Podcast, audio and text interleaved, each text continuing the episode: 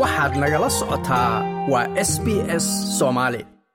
maalinta labiyo tobnaad ee koobka adduunka ee kubadda cagta ee labada kun iyo labaatan iyo labada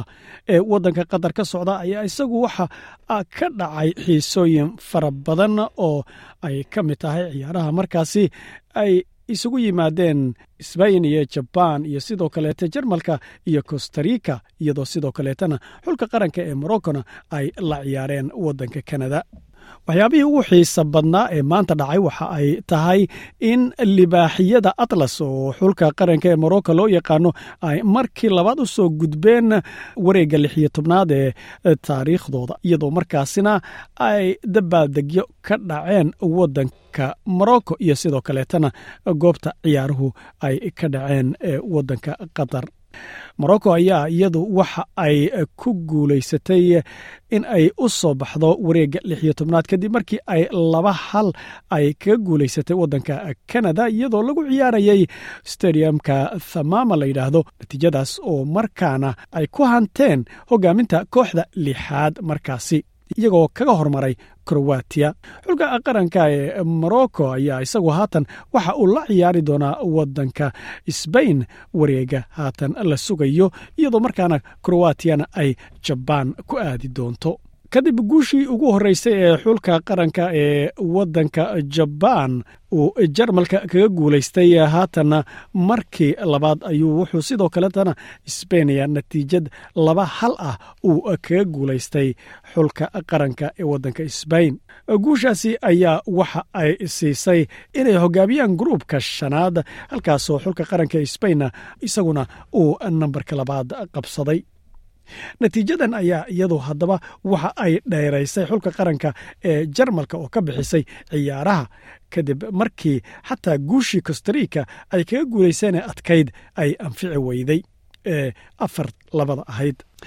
dhinaca kale ciyaaraha ayaan weli ku jirnaaye boqorka dalka qatar sheekh tamiim bin xamed al athani ayaa isagu waxa uu u dabaaldegay oo sawiro iyo sidoo kale videoba laga soo duubay guushii xulka qaranka ee waddanka morocco ee kubadda koobka adduunka ee kubadda cagta ee waddankiisa ka dhacaya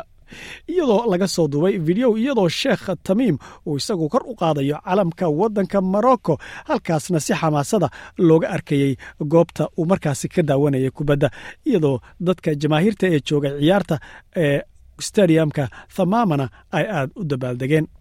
dhinaca kaleete isla boqorka qatar ayaynu ku jirnaaye arda madarasa dhigta ama dugsi sare oo magaciisa balaadu shuhadaa la yidhaahdo ayaa waxa ay sharaf u heleen in boqorku uu ku martigeliyey inay ka soo qayb galaan ciyaaraha adduunka ee waddanka qatar ka dhacaya. Ardadaasi oo iyagu waddanka kuweydna ka yimid. Sababtuna waa iyaga oo laga soo duubay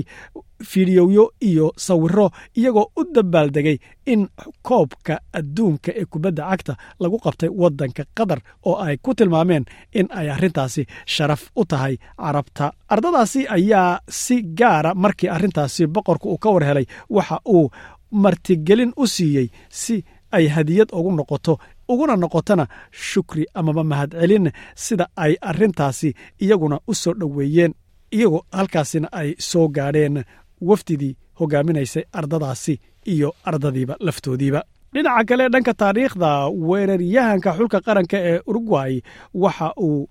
isagu markaasi diiday ninka la yidhaahdo luis suarez waxa uu diiday in uu wax cudurdaara ka bixiyo. Ciyaartii hadda ka hor labadii kun iyo tobankii koobka adduunka ciyaarihii lagu qabanayay koonfur africa uu isagu gacanta kaga celiyey kubad markaasi ka dhalan lahayd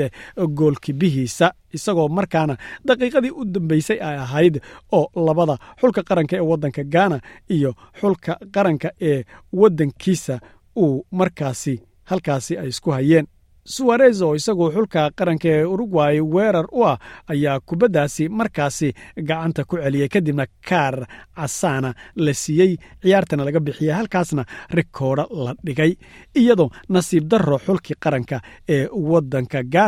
rikoodhka rikoodhahana ay dhalin waayeen oo birta uu ku dhuftay ninkii laadayey mar wax laga weydiiyey arrintaasi ayaa isagu uu diiday inuu wax cudurdaara ka bixiyo ninkaasi suwarez la yidhaahdo isagoo ku marmarsooday amaba ku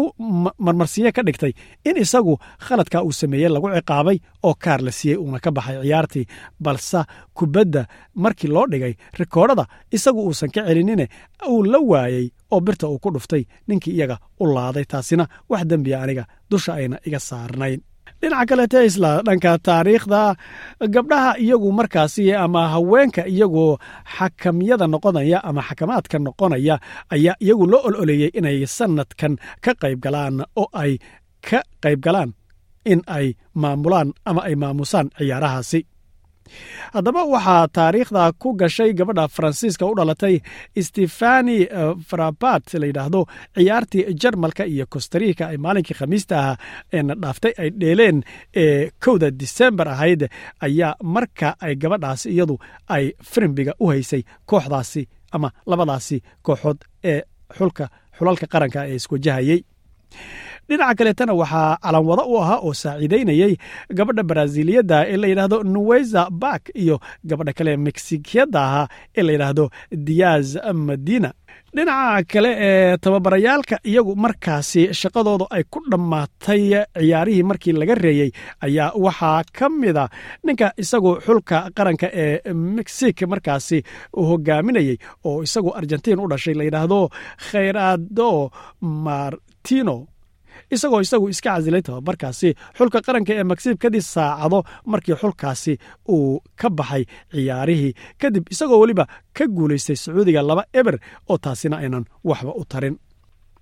Dhinaca kaleete dhinaca kaleete iyadana xulka qaranka ee waddanka biljamka tababarihiisa oo isagu ninkaasi sbain u dhashay oo roberto martinez la yidhaahdo ayaa isaguna sidoo kale iska casilay si deg dega kadib markii xulkaasi uu ka baxay markaasi ciyaaraha dhanka kaleete ninka isaguna xulka qaranka ee watay iiraan ee tababaraha u ahaa ayaa isaguna sidoo kaleete ahaa ninkii ugu horreeyey ee isagu tababaranimadaasi iska casilay kadib markii kooxdaasi ay noqotay kooxihii ugu horreeyey ee ka baxa ciyaaraha koobka adduunka ee sanadkan